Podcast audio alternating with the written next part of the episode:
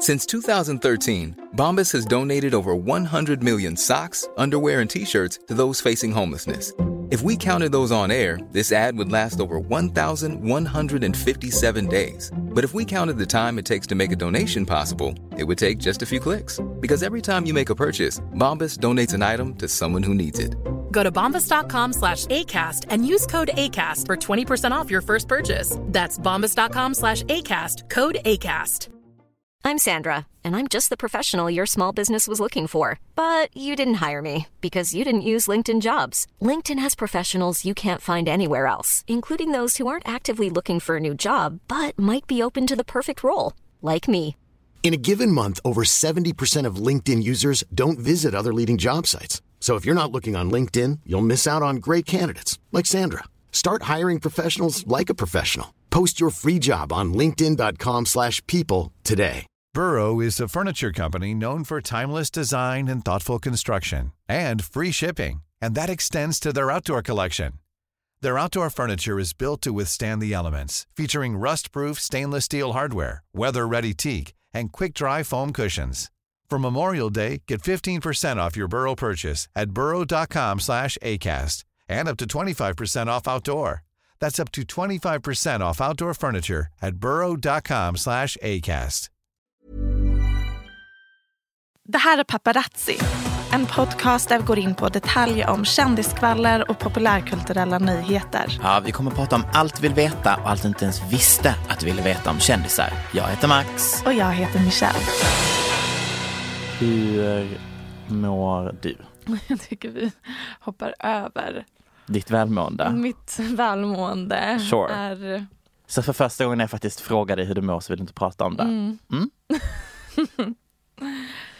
Eh, nej men jag mår ju alltid bra. Det är därför det är så tråkigt för mig att svara Det är därför på den jag aldrig frågan. frågar. Nej precis. Du är ju inte en hot mess som den här människan. Nej. Jo det är du. Men ja.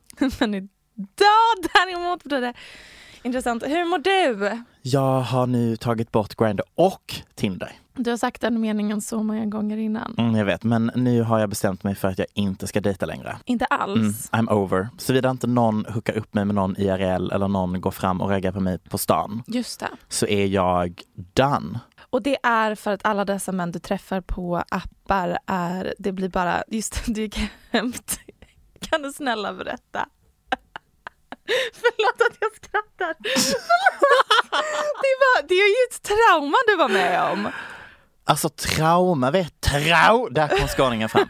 Trauma, nej men herregud, nej men jag vet inte, det var väl inget trauma, men eh, det var en upplevelse. Nej men jag, jag vill ju dejta. Ja, du vill ju hitta en soulmate. Alltså Någon- jag vill ju, jag vill bli så här swooped off my feet. Ah, Och jag lyckas ändå alltid hamna i situationer där det inte riktigt är det som händer. Eh, så ni skippade maten, Mm. sågs och Och drack vin hemma hos drack vin honom. och sen... Rätt sent också, Mm. inte sent Ja men då är det också lite... jag tycker också igen om man kommer hem till någon typ halv åtta, åtta Ah, och jag inte blir bjuden på mat. då är du där för att ligga. Jag, jag får den känslan. Ah, så varför gick du dit om, du, om det du letar efter är en pojkvän? För att jag tyckte ändå att han verkade trevlig och söt. Han var Fair jättetrevlig. Ah, fair enough. Så han var jättetrevlig så. Så hur gick det sen när ni låg? Nej men sen som hittat ihop och så får jag reda på att han redan haft sex innan under dagen.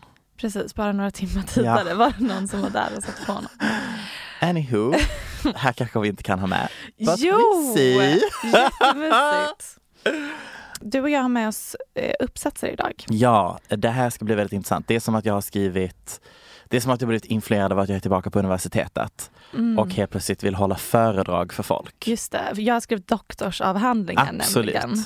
Jag har eh, gjort en ny variant den här gången när jag förberett. Mhm. Så jag har delat upp texten så att man kan, om, man, om du vill säga någonting så är jag redo. Ja, du jobbar så. Ah, det är inte du och det vet jag redan.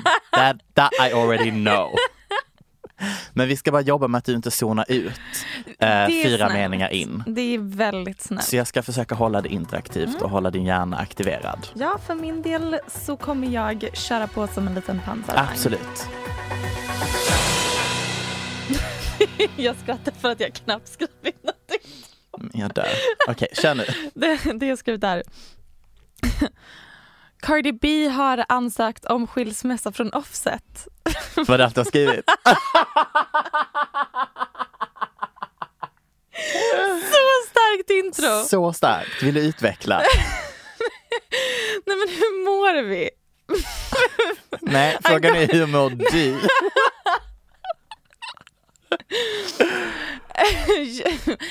Nej men ehm, jag blev chockad, Okej.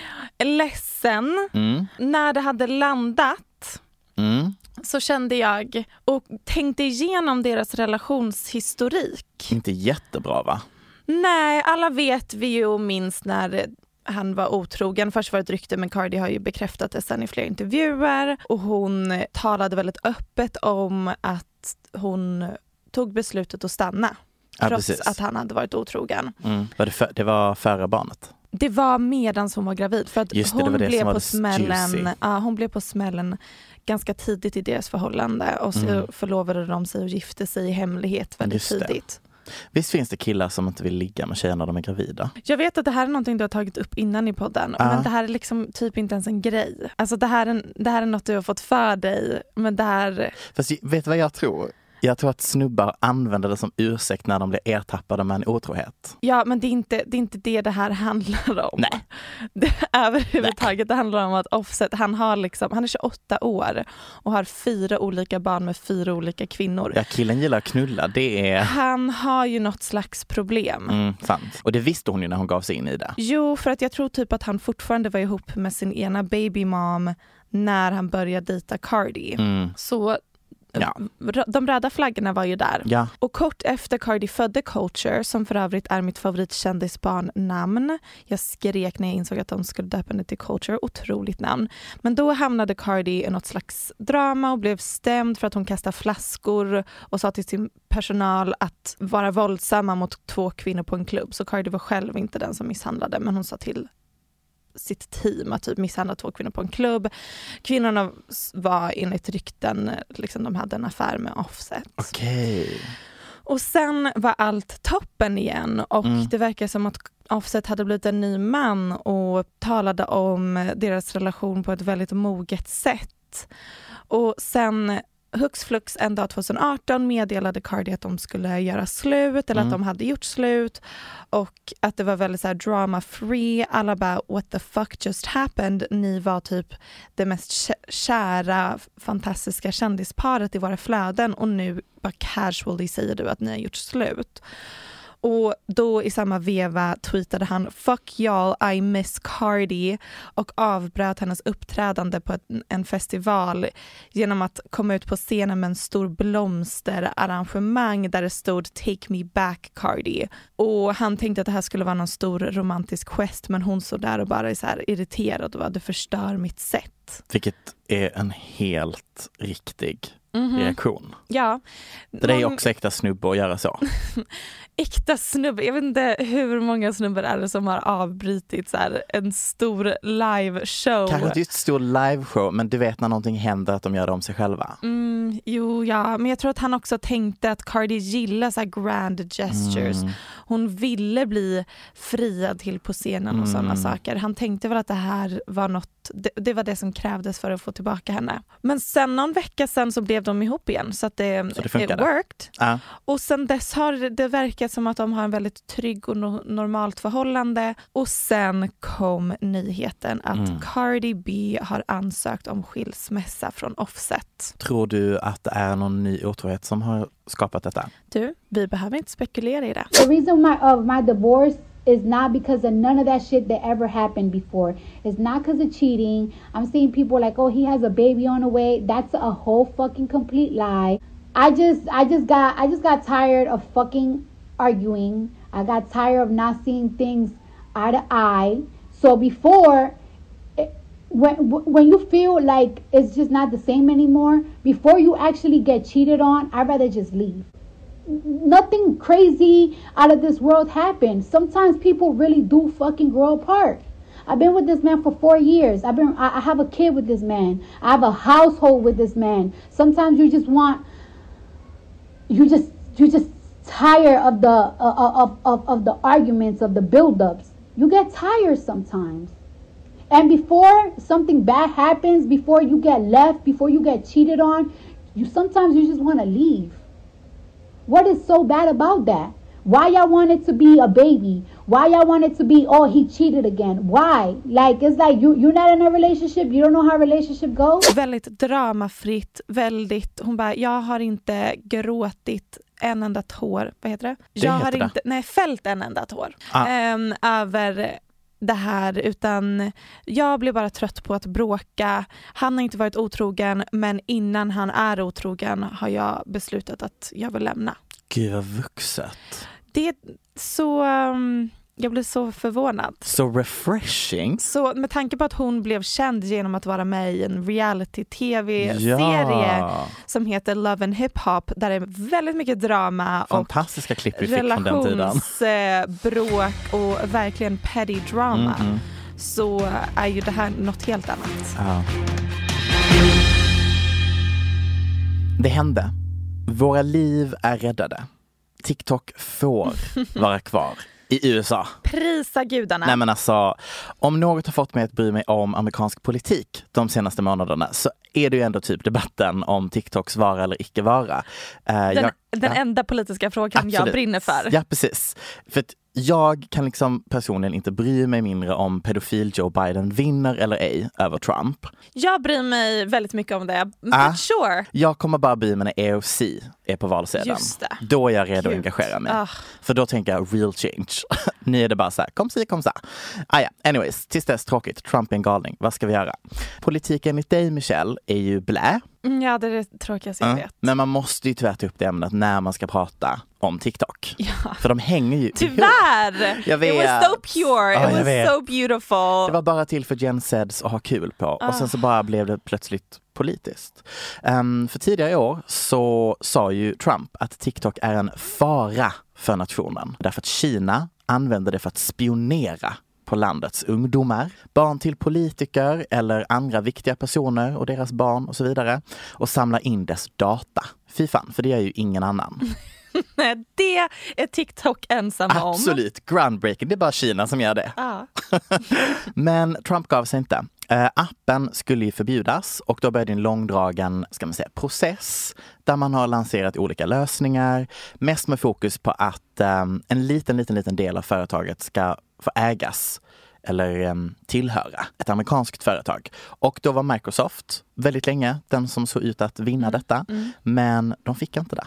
Utan istället, precis typ för två dagar sedan, innan den här nya bannen skulle gå igenom där du inte fick ladda ner den och du fick inte uppdatera den. Så du kunde ha kvar appen. Hmm, det är så de skulle lösa Det var så de skulle göra det. Du fick ha kvar appen men du fick inte ladda ner den igen och du kunde aldrig uppdatera den igen. Så den hade ju typ som när Vine stängdes.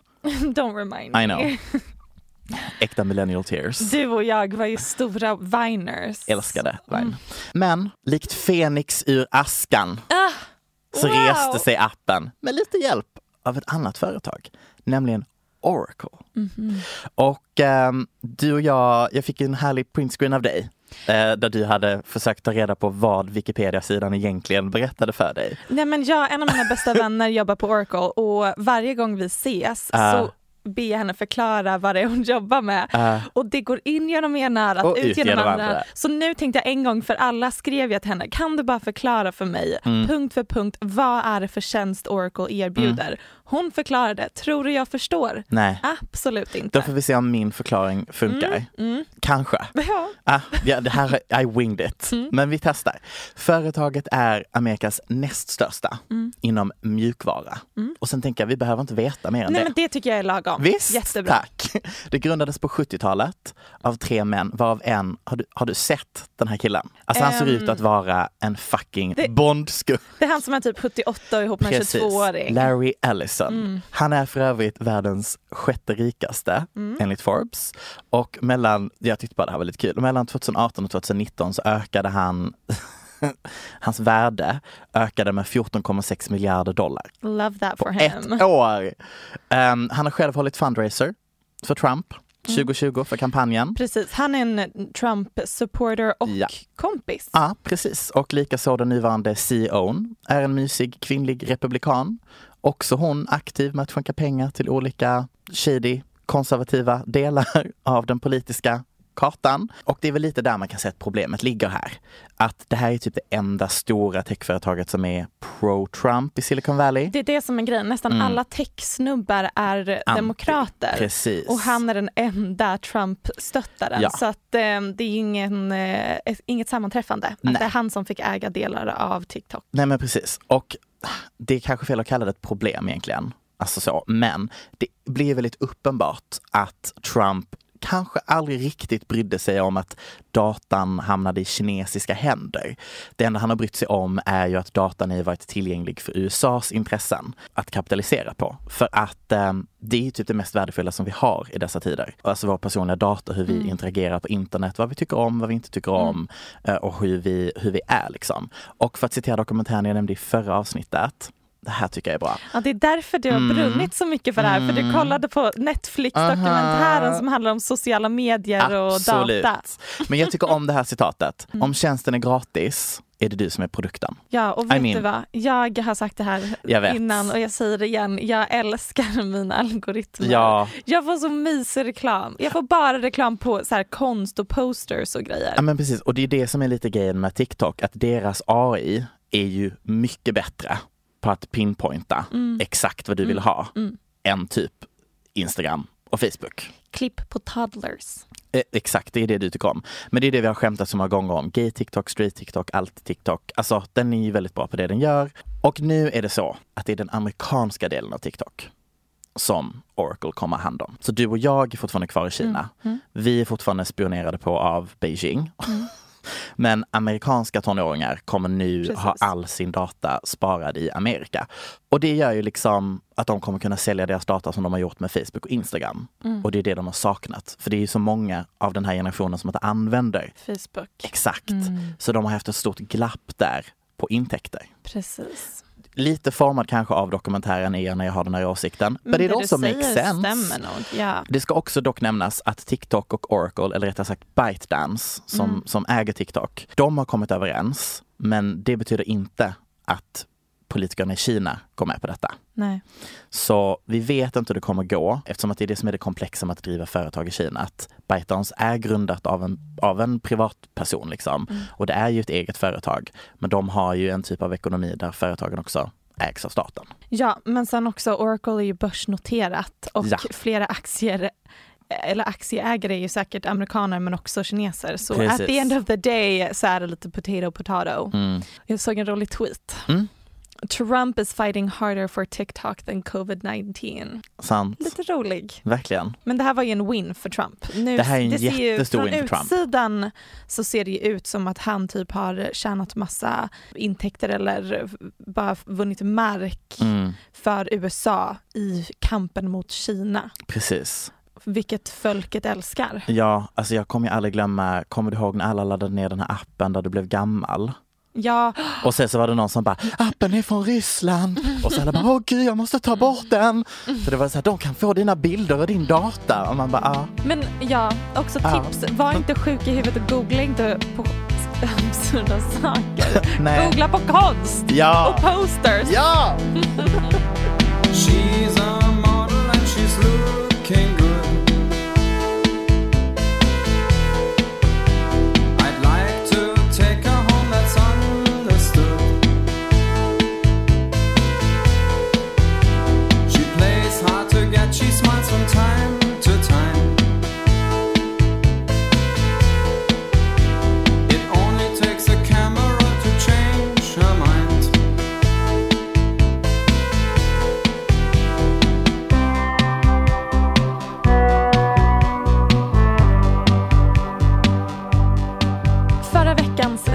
snackis, i mitt flöde i alla fall, var vår allas sexiga modell och aspirerande skådespelare med en utomjordisk boob to arm ratio. Mm. Emily Ratajkowski.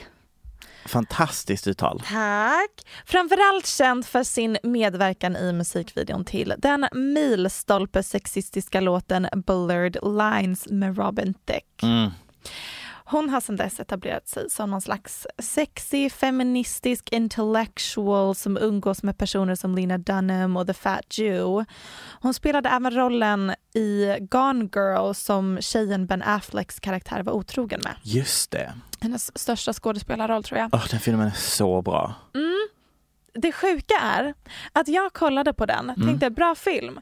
Fast forward, det kan ju inte ha varit mer än två, tre år för den är ändå relativt ny den Fast filmen. den är också lite, den har några år på nacken Ja nu. fast det här var ändå ett par år sedan. Då kollade jag på den igen. Mm. Mm. Två tredjedelar in i filmen kom jag på att den här har jag redan sett. Oj.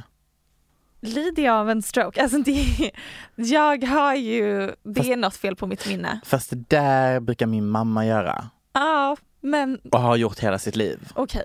Eh, Jag tror det är det här igen att man zonar ut Mm. och därför kommer man inte riktigt ihåg sånt som andra kanske gör i början på filmer. Och du kommer först ihåg när det blir en riktig vändning. Just Men the det. build-up är för Mm. dig snusfest. Men det sjuka är ju också att en av mina bästa vänner för ett tag sedan tog upp gången hon och jag var på ett sjukhus i Kenya ihop för att hon hade så brutit armen och då hade jag åkt dit med henne. Visserligen var jag full men jag har noll minne av att jag har varit på ett sjukhus i Mombasa med min bästa kompis. Det borde du ha kommit Och de ihåg. så här, hon förklarade, nej men de drog ner mina byxor för att ge mig så här någon spruta i rumpan för att jag skrek så mycket och någonstans fick jag något minne av att just det. Det här blev så mörkt. Nu, nu tänker man ju att jag, Att du är psyksjuk? jag mår inte bra. Nej, kan, nej, Och min besatthet av kändisar. det får bli en styrkekram till dig när vi är en- färdiga här. Det är en fasad som döljer ett mörker utan dess like. Fast om det där är det mörkaste du har varit med om, att du glömmer saker ibland, Mm. så känner jag Sant. it's okay. Det var, det var efter en rolig fest. Just det. Jag var på sjukhuset. Du Alltså, kommer det ju aldrig ihåg någonting när du har druckit, så att det där är inte förvånat för någon. sant. Sorry, men det... Jag tror Men att, sjukhusvistelse borde man förlåt, mena. världen skulle kunna gå under om du är packad så kommer den att gå runt och bara hej hej. Ja. Ja. Vad pratar vi om? Emily Ratajkowski. Mm. Oj, oj, oj, här har jag skrivit en feministisk rant. Normalt. Okej. Hon är en person som man som kvinna stör sig på. Mhm. För hon är så provocerande het och äger inte en enda tröja som inte är en crop top.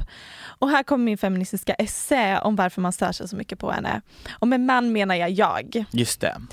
Hon representerar den kognitiva dissonansen som sker när feminister både motsätter sig patriarkala strukturer samtidigt som de reproducerar dem. Hon bidrar till att cementera de strukturerna som hon samtidigt har som avsikt att krossa, Mm. vilket alla är skyldiga till. Så då blir hon för mig typ ansiktet utåt för en egenskap man själv har och har ett komplext förhållningssätt till.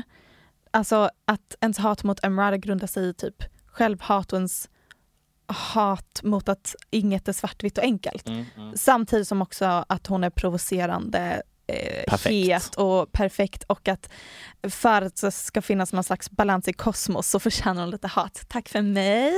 Men eh, hoppsan, hur hamnar vi här? Det är väl en rätt allvarlig grej. om mina åsikter om Emily, Emily Ratajkowski. Det vi skulle prata om snarare att i veckan publicerade hon en uppsats i The Cut med titeln Buying myself back, when does a model own her own image? Mm. I texten diskuterar hon framförallt komplexiteten i att vara kvinna i en industri som formas och ägs av män. Hon börjar med att berätta om gången hon stämdes av en paparazzi för att hon la upp en paparazzi-bild på sig själv Mm. på sin Instagram. Och i och med att hon inte äger rättigheterna till fotot blev hon stämd. Mm. Det här har vi faktiskt pratat om innan i podden. Men det är ett av våra tidiga avsnitt. Ah, Och där vi låter lite stolpiga när vi pratar om det. ah. Så, men det är ett intressant fenomen som sker i dagens kultur eh, som har utvecklats som ett resultat av att sociala medier har vattnat ur värdet av en paparazzi-bild.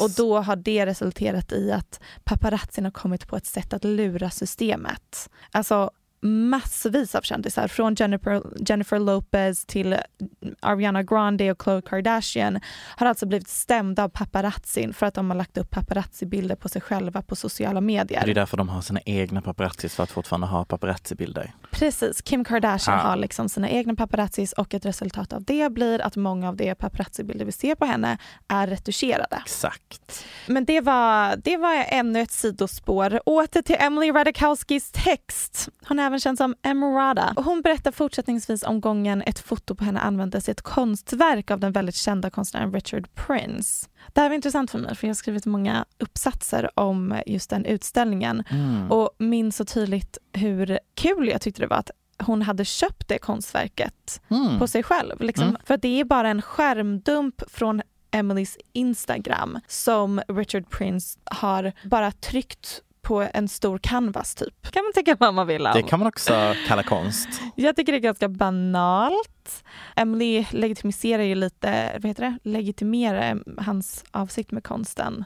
Vilket är att skapa den här diskussionen om Sant. äganderätt och så vidare genom den här uppsatsen. Och det är något fascinerande med att Emily var tvungen att buda hem ett konstverk som består av en skärmdump Från hennes egna. från heg- hennes egna Instagram. Det är lite 80 absurt. 000 dollar Ah, fick nej. hon köpa hem det konstverket på. Och sen sist men verkligen inte minst berättar hon om ett photoshoot från 2012. Trigger warning. Ja, precis. Hon var 20 och fotografen Jonathan Ledder, eh, ja, hon fotograferades för något indie-magasin och hon var naken och i underkläder och efteråt utsattes hon för ett sexuellt övergrepp av fotografen. Fa- fast forward några år och han har nu släppt flera fotoböcker och Mm. haft framgångsrika utställningar eh, med alla foton från detta photoshoot.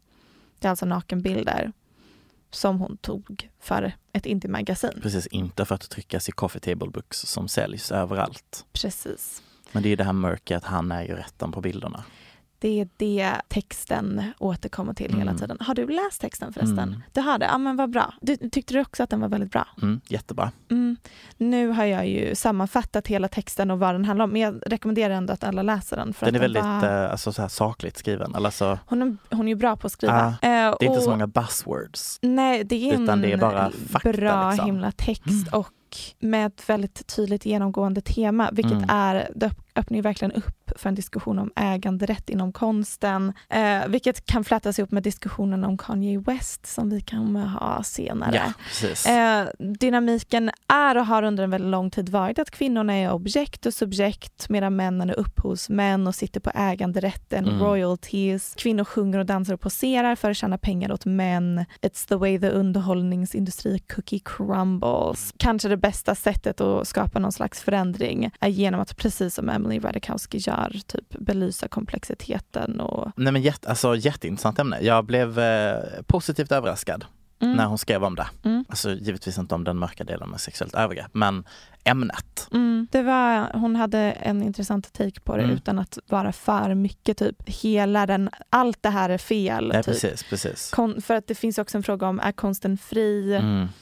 Och också så här, jag fattar ju att man vill ifrågasätta till exempel som att han då, om man först fotar och sen trycker upp i böcker, att han äger det så. Men det blir också konstigt om, man inte, om en fotograf inte skulle äga sitt egna jobb. Det är det som också är Precis, för att det på svåra. ena sidan så tänker man, ja fast du har faktiskt inte äganderätten för de här paparazzi-bilderna och paparazzi är också ett yrke. Precis. Och den här fotografen har äganderätten du gick med på, även om man så här i efterhand kan säga, ja du blev det liksom.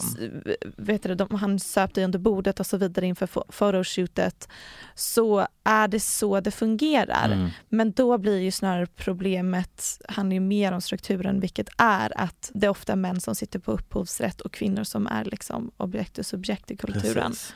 Och att det fortfarande är så många övervägande män som är fotografer. Mm. I just don't get it. Nej det är faktiskt Alltså typ så här i New York, när, så fort en modell ska bli någonting, det är alltid manliga fotografer. Det är så konstigt. det, det, det är faktiskt väldigt Och de är, många av dem är dessutom rätt gamla nu så att man borde tycka att det är dags att bara göra sig av med dem. Salma Hayek som Frida Kahlo i filmen Frida. Mm. Sienna Miller som Edie Sedgwick i Factory Girl. Vet du vilken det är? Ja, Mm. Oh, gud vad glad jag blev. jag har faktiskt sett den. Den är så bra. Älskar. Älskar. Eh, Tom Hardy som Al Capone i Capone. Margot Robbie som Tony Harding i I, Tonya. Och givetvis, vi kan inte glömma, Natalie Portman som Jackie Kennedy i filmen Jackie. Ni fattar vad jag menar. Biopics. Vissa mer diffusa än andra när det kommer till återberättandet av huvudpersonens liv. Men ändå biopics. Ja, Konceptet är oftast att en död persons livshistoria blir till film, ibland att det finns en bok som ligger till grund, men oftast så är det ändå berättat av en utomstående, alltså objektivt, det som har hänt i personens liv. Ehm, vet du vem som satt sig vid skrivmaskinen och sa fuck that till att låta någon annan skriva en film om hennes liv? oh, älskar det här. Ja, det är ju ingen mindre än Madonna, såklart. Gud, när du börjar lista alla de här exemplen i början så trodde jag att du även skulle ha med Madonna som Evita i Ah, vad nu den filmen heter. Evita, Ja, det heter Ja. den kanske. Vill du veta något sjukt? säg. Att jag hittade en lista med namnförslag som mina föräldrar satte ihop när jag skulle Säg födas. inte att du skulle heta Evita. Max, på den listan står namnet Evita. Jag hade dött om du hade hetat Det, Evita. det är ju ett hornamn. Alltså det är problematiskt. Det, det må komma från en prinsessa eller vad hon är. Absolut. Men Ah, jag ah, hade ah. ju, vad hade jag varit för person? Jag hade men- inte kunnat ha på mig något annat än typ så här, något superpropert för att balansera ut för Ditt namn är Vita, absolut. Istället fick jag det klassiska bitchnamnet Michelle. Stöttar. Det passar också din personlighet. Ehm, men ja, Madonna ska alltså skriva sin egna eh, film om sig själv, om sitt liv. Och nyheten släpptes under en Instagram live tillsammans med co-writern till filmen, eh, Diablo Cody. Det är ju hon som skapade Juno. Aha. Mm. Eh, och de jobbar då på manuset tillsammans, vilket är lite oklart när man tittar på dynamiken på den här Instagram-liven. Hon, mitt i det här, så kul att du tog upp Evita, hon kastar ju Andrew Lloyd Webber under bussen fullständigt och säger att det var fruktansvärt att spela in Evita. Hon kände hela tiden att han hatade henne. Att hon var rädd att hon skulle liksom misslyckas konstant. Hon var ju tvungen att lära sig sjunga på ett nytt sätt för att vara med i filmen. Ja. Och mycket kan man säga om Madonna men hon har inte, hon har inte varit känd för en jättebra nej, sångröst. nej, det är ingen Beyoncé-röst där. Den är OK i omgångar. To say the least. Um, anyways, om filmen har hon själv sagt, jag vill fånga den oerhörda resan som livet tagit mig på som en artist, en musiker, en dansare. Hon fortsätter, det finns så mycket oberättade och inspirerande historier. Och vem bättre än jag att berätta dessa? Det är faktiskt i och för sig sant. Det är faktiskt sant. Och det stoppar inte här. Förutom att Diablo skriver den så är filmproducenten Amy Pascal, ni vet hon som producerade Little Women, eh, knuten till projektet. Universal Pictures är de som ska göra filmen, um, men varken skådisar, fullt manus eller en tidslinje finns. Ja, så det här skulle kunna bli vad som helst. Ja. Däremot så finns det flertalet klipp på skrivarsessions. Åh, nej. Och då tänker jag, jag säger inte att jag är orolig, men jag är orolig. Let me pull my phone chain out of my butt. Let's get serious, people. We've got a scripture right. Come on. But my memory does not serve me, especially when I've had nothing to eat. I don't care what the bourgeoisie say. I never did. Don't go, Diablo. I didn't mean it. I, I, I really do like the fact that you're not wearing a peasant dress right now. I wore this jumpsuit just for you because I I, knew like you were it. tired of the hippie dresses. It's it's very disco. I kind of like it. Can you dress like a dominatrix? I want you. I could, but I don't think that would be a true reflection of our dynamic. Who cares about true reflections? I mean, let's make magic happen. Like, let's push the envelope. Artists are here to disturb the peace. Let's celebrate having writer's block. Do we have writer's block? I think we've been fairly productive. No, I'm just kidding. Oh, Oh, what page are we on? uh, we're on page 109. And I have so much more to tell. Dynamiken mellan de två. Bara, jag är glad att du inte bär peasant dress. Och sen att hon säger I don't care what the bourgeoisie says. Ah, Och sen säger att att hon klär hon sig klär som sig pöbeln. som pöbeln. Nej, men det är... Ja. De har i alla fall under livesändningen berättat att den kommer utspela sig under 80-talet. Andy Warhol kommer vara med i, eller nej inte Andy Warhol Som men karaktär. karaktär. Mm. När hon skrev Like a prayer och allting som hände med Evita på 90-talet. Den ska bli runt två timmar lång. Jag älskar detta. Ja. Em, fans har också nu då börjat hålla koll på hennes Instagram för att se vad hon gör för att ta reda på vem som ska spela henne. Åh, du har Mm. förberett en liten lista med vem du tror. Uh, ja, det, alltså det var tre namn jag typ inte kände igen, Aha. för de är rätt så nya. Men vet du vem både hon och hennes manager har börjat följa? Florence Pugh. Ja, det var henne jag tänkte säga. Ah. Det var henne jag tänkte säga. Du, Fast kan, och sen så tar jag det inte för jag tänkte kan hon sjunga och dansa? nej. Hon kan säkert sjunga typ. Mm, Men Madonna var ju väldigt, väldigt bra på att dansa. ja. jag har en, en kandidat som jag vill, som också Berätta. en, ett annat fan hade skrivit. Sky Ferrera. Men vad har Sky Ferreira gjort på sistone? Hon, har, hon är ju tyvärr drug addict i Ja. omgångar. Det är det jag. Ehm, men hon har ju spelat i Twin Peaks rebooten Mhm. och är ju en David Lynch favorit. Så jag får ändå lite vibes av att coolt. det hade varit väldigt coolt. Så det är mitt, mitt personliga um, förslag, hoppas. Um, jag tycker i alla fall att det känns helt rätt. Madonna är en gud, en ikon och det känns som att vi inte har gett henne tillräckligt med cred på senaste tiden. Jag tycker att det är synd att hon, hon drar ju ner sitt legacy. Den Mm. yngre generationen känner ju henne för den knäppa tanten på Instagram. Ja, precis. Men vi äldre, Nej men alltså hon Vi banade ju vägen för... ja men alla vet Allt. också, herregud, alla jo, vet men, det. jo men hon får ändå skit alltså. Tänk om typ Dua Lipa spelar henne. Jag kan tänka mig att Dua är jättedålig skådis. Hon Ja, kan ju inte dansa heller. nej du. Fast hon känns som att hon ändå har drivet att bestämma sig för att hon ska lära sig att dansa. Ja, hon har, hon har ändå någonting som Madonna också Ja. har. Oh my god, vet du, nu kommer nu kommer jag på vem som borde spela Madonna. Säg. Sara Larsson. They both like to appropriate black culture, that's perfect! Du måste sluta säga sånt till Sara Larsson. Nej men det, det it's, it's a problem. Men eh, det hade varit fantastiskt. Visst. Hur mår Kanye just nu tror du? Jag tror att han aldrig har mått bättre. Men faktiskt så verkar det... Nej, alltså jag tror Alltså, att det här hans- var skönt för honom det han Ja. har gjort de senaste dagarna. Hans Twitter-rant nu på sistone är ju mycket rimligare än när han rantar om abort och grejer. Ja, han har ju till och med sagt att han ska hjälpa Taylor att komma få tillbaka sina... Masters. Ja. Ja, för de som inte har hängt med så Mm. har han tweetat satan på sistone. Men numera om en ny sak han brinner för. Mm. Inte så mycket Trump utan snarare motsatsen.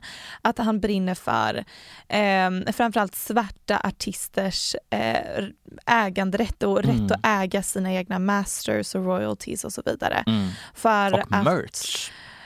Ja, men um, merch tjänar de redan ganska mycket på. Mm. Utan det är ju framförallt musikindustrin och även sportindustrin är ju Mm. väldigt mycket svarta artister som tjänar pengar som hamnar rakt i liksom, de vita männens fickor. Mm, mm. Det är de som äger de stora majorbolagen. Mm. Och obs, Kanye har ju ett eget skivbolag som Ja. heter Good Music. Det har de flesta artister. Kanye West har Rock Nation som, nej vad sa jag Mm, nu? Jay- Jay-Z. Jay-Z har Rock Nation som signade Rihanna bland annat. Beyoncé har sitt eget eh, produktionsbolag. Men alla de De släpper ju alltid ju... under ett större bolag. Exakt, Mm. de är ändå beroende av majorbolagen just Mm. för att det är en så stor sak att släppa ett globalt album som Samtidigt. artist. Liksom. Ja. Mm. Det finns en hierarki och ett system här som gör att dessa artister är extremt beroende av eh, makthavarna Mm. i musikindustrin. Det spelar ingen roll hur känd och stor du är. Och det här, jag gästade Stil P1 i veckan och pratade om Tyler Perry och ett väldigt liknande ämne. Och jag eh, freestylar nu för jag har inte skrivit ner någonting utan det här blir en rant från hjärtat. Men det jag säger i det avsnittet är att jag tog på mig att förklara ekonomin, hur ekonomi Wow. fungerar. Hur, hur mycket ekonomi har du pluggat Michelle? Jag gick faktiskt företagsekonomi på gymnasiet. Just det, Tackar som frågar. Det gjorde jag. Nej men så här är det ju va. Det finns ju olika mm, klasser i samhället. Man kan ju ha ett jobb 9 till 5 jobb där man tjänar pengar på sitt arbete, sen kan man jobba upp sig, bli chef eller VD. Toppen, men man tjänar fortfarande pengar på sitt arbete. Precis, precis, inte på kapital. Ja, och sen så kan man ju vara den som äger företaget Ja. och är den som har anställt vdn att tjäna pengar åt den. Så man Ja. bara sitter där och kammar in pengar.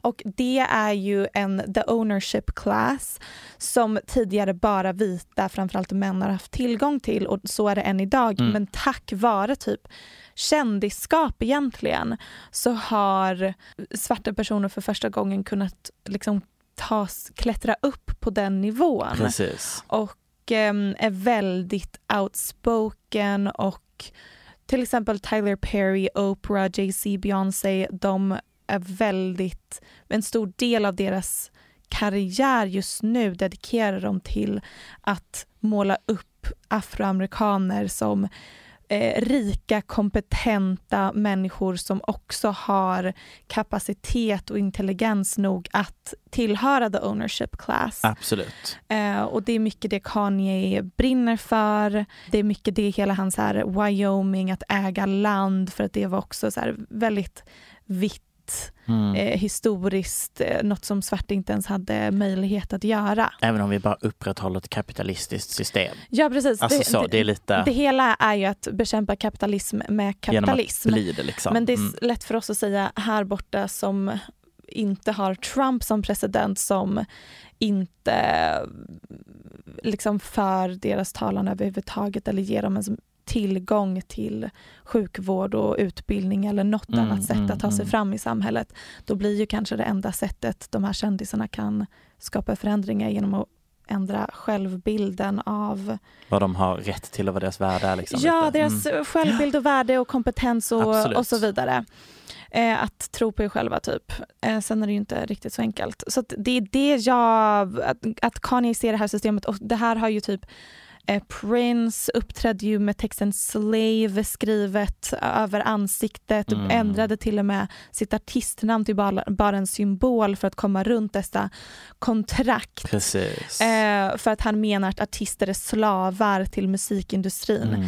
Det är ju Underhållningsindustrin är extremt rasistisk. Det är Ja, därför ja, de ja, ja. bojkottar många av dessa så Grammys och Mm. grejer. Det är därför Kanye avbröt Taylor Swift på scenen på VMAs. Mm. För att allting grundar sig i att det är vita män som eh, bestämmer vem som vinner, vem de eh, investerar pengar i ehm, och så vidare.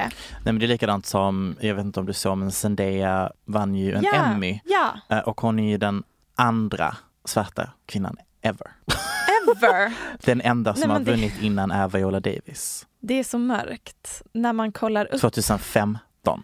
När man kollar upp statistik på dessa award shows. Nej men det är så sjukt. Framför allt skulle jag säga inom, inom film och tv är det nästan mer eh, rasistiskt. Mm. Men så ja, när man ser att Kanye West tweetar om att mina barn ska äga royalties till min musik Och pissa på ehm, och lägger Grammy-statyetten i toalettstolen och pissar på den. Så är det ju systemet och inte per se äran i att vinna en Grammy han pissar på. Exakt. Och det är effektsökande. Man- Absolut. När han också tweetar så här hundra sidor av sitt egna kontrakt Ja. med Universal Ja, det och så här avslutar alla dessa tweets med så här, "Oof, that was a lot of work. Verkligen. alltså det, och nu skrattar jag, men alltså det är ju någon slags mani. Ja, det är ju Ehm, inte ett hälsosamt beteende. det här är inte, han blev även avstängd från Twitter ett tag för att han tweetade ut någon känd journalists telefonnummer. Mm, vilket också är så här, oh, inte jättebra. Nej, inte så väldigt eh, etiskt kanske, men Men jag tror ändå att det är här tillbaka nu. Mm, jag tror att vi, eh, jag är ju fortfarande lite anti Mm. Kanye, I will always be, den här Mm. typen av eh, shenanigans. Mm. Men jag tycker ändå att det här är lite mer givande. Det är lite mer intressant och lite mer spännande att följa vad hans nästa take blir. Mm. Versus innan när det var abort och, och Nej, men, eh, a- presidentskap alla dagar i och- veckan väljer det här istället. Det här känns ändå, det Men här det- har kött på benen. Värt att nämna dock. Ja, säg. Kanye äger ju som sagt ett eget skivbolag. Ja. Han signar ju artister Ja. under samma pissiga Ja. omständigheter som dessa majorbolag. Så att han, Han ska ge, he's barking up the wrong tree. nej men han, är, han är ingen ängel själv Nej. precis. Och det här är lite en trendig debatt just nu som Taylor Swift till exempel har vunnit mycket respekt på att föra Precis. den debatten och mm, highlighta den här problematiken. Mm, mm. Eh, och nu hoppar Kanye också på the bandwagon. Mm, Men vet du vad? The more people on the bad bandwagon the merrier. Välkommen Kanye. Så har vi samlats ännu en gång kring datorn för att konsumera en ny daytime show. Så mysigt. Mm. Konceptet daytime shows är för mig extremt oklart. Men jag känner typ likadant för late night shows i Amerika. Så egentligen är det väl inget starkt uttalande från min sida. Um, däremot känns det som att vi alltid, alltså vi har alltid typ samma tre late night shows. Och de männen kan typ fisa i livesändning, förgripa sig på anställda sexuellt och ha jättedålig humor. Men ändå behålla både jobb, sändningstid och cred. Medan det känns som att vi alltid avverkar x antal kvinnliga daytime shows Preach. som liksom bara går på ett löpande band. De får typ en, två säsonger och sen så är det hej då. Preach, preach, preach. Ja, och Drew Barrymores kommer inte vara ett undantag. Ehm, ni vet Drew Barrymore, känd från allt som hände sent 90-tal och E.T. Um, barnskådis moments, ja ni vet beroende av substanser och en spårad barndom. Så sjukt. Hon, hon hamnade på rehab för alkoholism och, när hon var typ 13. hon hängde på Goals. Studio 54 när hon var åtta och blev serverad alkohol. Nej men alltså. Anyways, ehm, jag, jag trodde liksom att publikunderlaget var stort för daytime shows. Eftersom att Amerika plus hemmafruar 2020 fortfarande är en kärlekshistoria. Så för mig borde dessa show gå hur bra som helst. Jag tänker att man borde kunna ha utrymme för flera kvinnliga daytime talkshows. Mhm. Men, men det gör det typ inte. Kelly Clarkson har fått sin förnyad. Jaha, Mm. härligt. Tycker du verkligen det? Men jag, det är inte som att jag kollar på det. Nej. Men jag tycker att alltså, gränden att vi förväntar oss att dessa kvinnor ska vara svinbra talkshow-hosts första säsongen. Sant, Det sant. här, alltså, dessa män har ju fått flera säsonger att utveckla sin intervjuteknik och så vidare. Absolut, absolut. Jag, eh, jag har tålamod Mm. med kvinnorna. Ja, premiären var väl tänkt att den skulle ge tittarna allt och lite till. Så gästerna var givetvis skådespelarkollegorna från Charlie's Angels. Älskar. Cameron Diaz och Lucy Liu. Har du sett den intervjun? Nej det har jag inte. gör inte det. Nej. Nej. Det kanske var årtiondes Flopp. flopp, om jag får säga det själv. Men var de där i studion Ja, eller de var var, det via. Zoom? Okej. De var där i studion, så de satt långt ifrån varandra. Mm. Men kroppen gjorde så ont för att det är så stelt. Alltså det Mm. flyter noll. Det är bara så här, hej, hej, hej, jag älskar dig. Nej men jag älskar dig. men jag älskar dig. Mm, men det är en normal konversation mellan tjejer. Ah. Det är allt tjejer kan säga. Just det. Oh my God, you guys.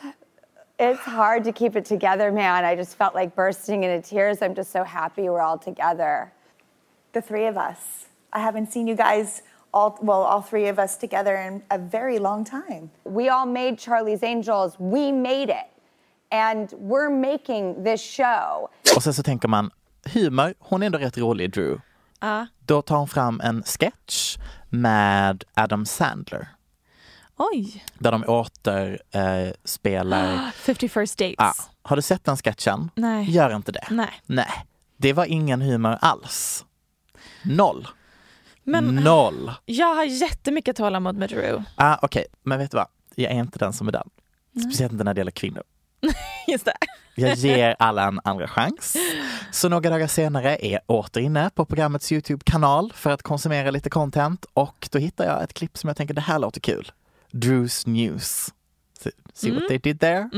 Fun. Väldigt funky intro. Hon springer runt med någon eh, mikrofon på gatan och bara Drews News, Drews News. Ja. Så mm, jättekul. Hon sitter bara och läser nyhetsartiklar. Ja, det är så dåligt. Det är så dåligt segment och det gör så ont i mig för jag älskar henne som person. Mm. Men det finns utvecklingspotential. Det finns utvecklingspotential. Men jag tänker också lite att kvinnor ska alltid göra daytime shows och snubbar ska alltid göra late night shows.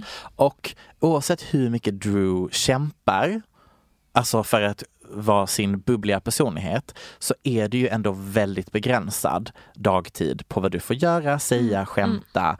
Alltså jag tänker typ att hon har, alltså när hon har gästat late night talkshows så är hon ju fantastiskt rolig. Mm. Hon har en väldigt syrlig humor, Mm. alltså den känslan jag har fått av henne. Och det kan du ju inte riktigt göra daytime. Nej, då, då ska det vara så här tv för hemmafruar. Precis, och för barn. Mm. Alltså, du, alltså det får inte lov att vara liksom edgy. Det är därför Ellen är Ellen liksom. Mm. Men det är ingen som vågar ge en kvinna en late night Nej. show eh, spot. Nej, och när de gör det, alltså så här, Lily Si- Singh, Mm. Youtube-personlighet, Som- hon har fått den förnyad. Har hon nu? Hon har det Mm. tydligen.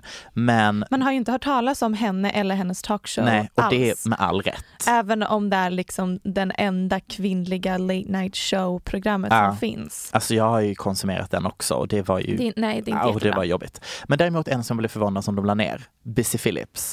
Så ledsen jag blev. Mm. Hon är ju känd från Dawson's Creek, White Chicks Ja. och min favorit-tv-serie Cougar Town. Tittar Mm. du på den? Nej. Den är så bra. Det är med hon andra från Friends. Inte Jennifer Aniston. Ma- Monica. Monica. Eh, Courtney Cox. Tack. Nej. Ja. Heter hon Nej. Courtney? Courtney heter hon. Nej. Cox. Någonting heter hon. Hon heter Courtney. Men kollade du på Busy Phillips talkshow? Ja. Ja.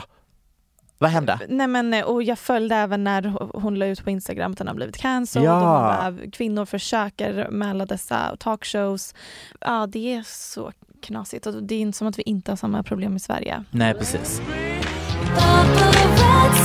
Jag vet att vi är trötta på det här ämnet nu. Eh, men eftersom vi inte ville säga några spoilers i förra avsnittet så tänkte jag nu bara lägga till mina two cents om Paris Hiltons dokumentär. Ja. Please enlighten us. Men eh, det är framförallt intressant att prata om det nu när man har kunnat observera alla andras analys av den. Okej, får jag lov att direkt stoppa dig där? Mm. Varför var folk chockade av att hon har fikat sin röst? Det, Det visste väl alla? precis det jag skriver Ja. in här direkt nu. Att jag är så himla förvånad över att det ens blev en grej Ja. att Paris inte talar med sin egna riktiga röst. Vi visste det! Hon säger mer eller mindre exakt samma saker i um, Netflix-dokumentären American Meme Ja. som kom ut 2018 och blev en stor snackis. Det finns massintervjuer där hon berättar att hon fejkar sin röst. Men ändå är det typ det mest fascinerande som någonsin hänt samhället varje gång hon delar med sig av den nyheten. Och vet du varför det provocerar mig så mycket? För att det är samma sak som gör att folk är tokiga i att sj- skriksjunga Just a small town girl på fest. För att folk har dålig smak och låg ribba för kul populärkultur. Ja. Ehm, och nummer två. Jag tror den här fascinationen med Paris röst också grundar sig i att folk fortfarande inte fattar att kvinnor förstår sig på personlig marknadsföring och, ma- och Ah. varumärkesbyggande. Och att det är liksom det som är att vara kändis. Newsflash.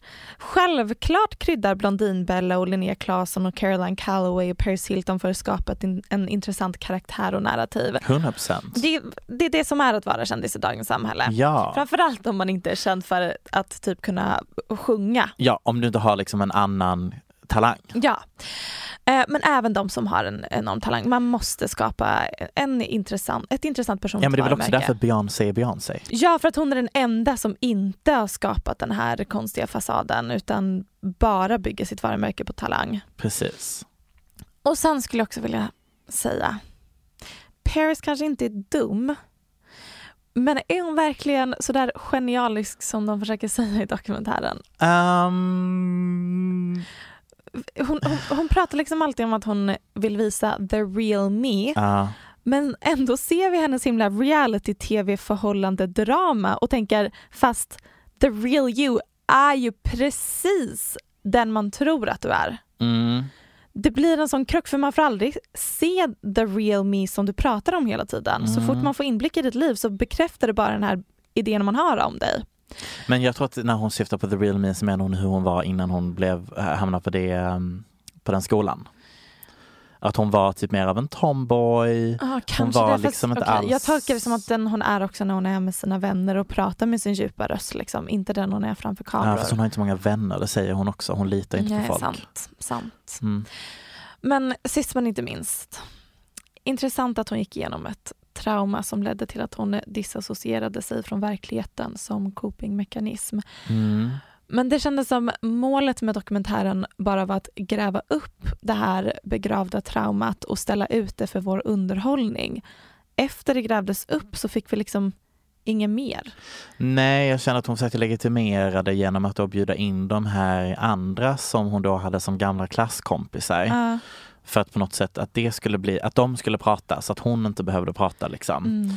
Kände jag lite. Mm. Lite deflekt, deflekt, deflekt där. Mm. Nej, men det blev liksom ingen analys eller givande slutsatser eller att de satte in det i ett större kulturellt perspektiv Nej. utan det bara var så här, här är hennes trauma. Ja, också typ så här, vad var liksom debatten om hur, hur, hur får det här gå till?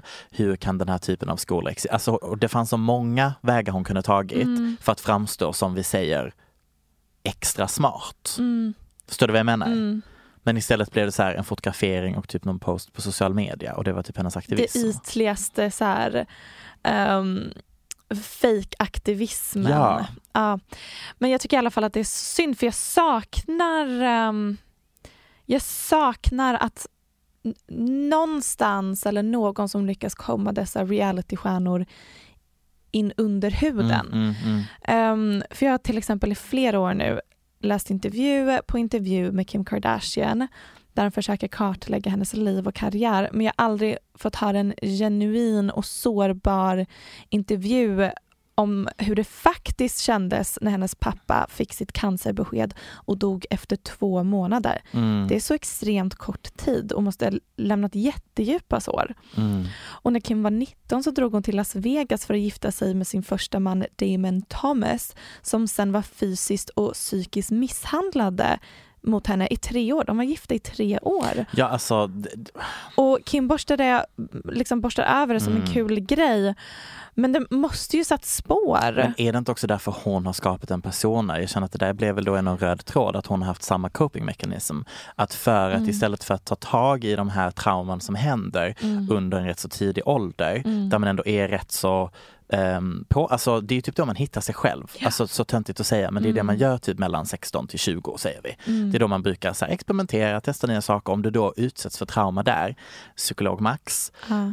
ehm, så, så Exakt, sätter det spår så som gör att det, Du måste liksom with it. separera dig själv Ja. från verkligheten. Du måste disassociata dig från dina känslor Och det har ju Paris verkligen gjort. som både Paris och Kim lyckas göra för Mm. att liksom, de har ju någon slags pansarvagnpersonlighet som Mm. gör att de kan stänga av, framförallt bara kan stänga av känslor och göra det som måste göras. Precis. Och det, det är intressant när man förstår Paris Hilton och hur det här traumat har format henne. Man får ju lite större förståelse för hur hon har lyckats vara den här karaktären. Mm, mm.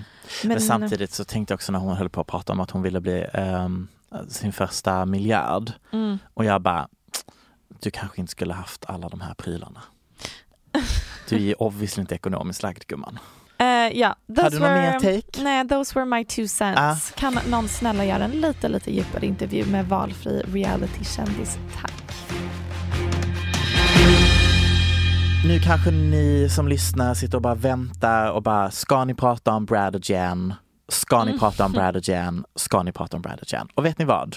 Nej, inte så jättemycket. Ehm, jag såg det. Har du sett klippet? Jag har sett lite klipp på Ja, Instagram. precis. Jag har kollat på den här table reading Mm. och det är ju för de som kanske då inte vet Mm. att man helt enkelt innan man ska spela in en film så sitter man kring ett bord och läser manuset och det är det de gör över Zoom. De ska inte spela in filmen men det här, de gör det för välgörenhet. Mm.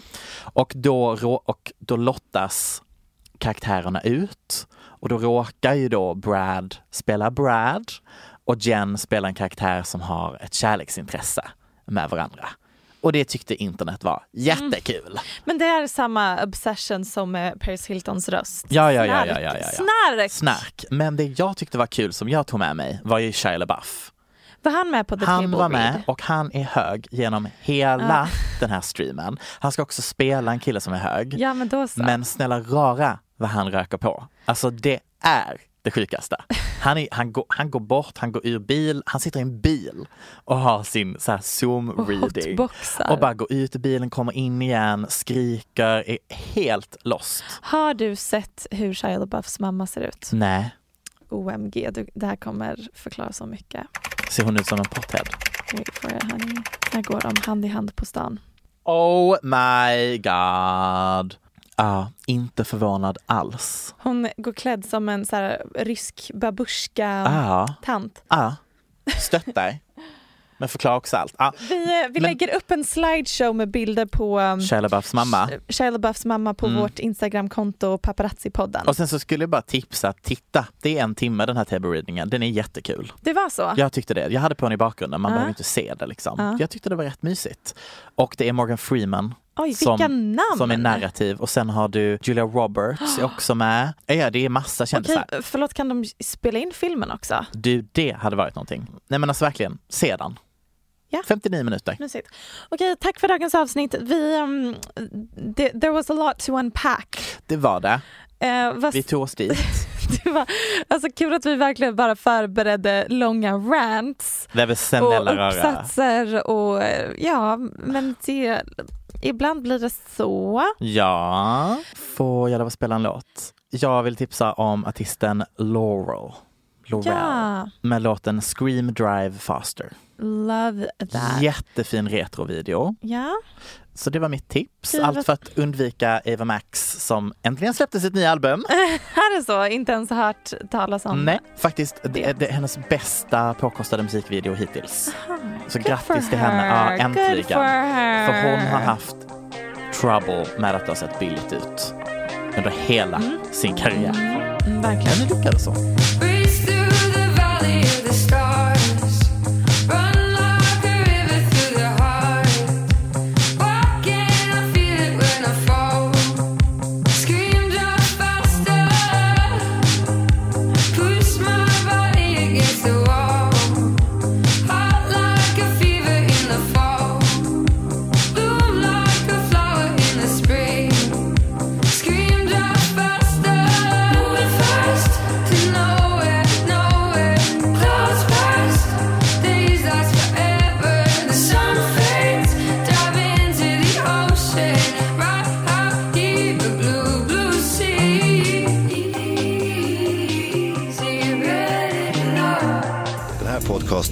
Är producerad av Perfect Day Media.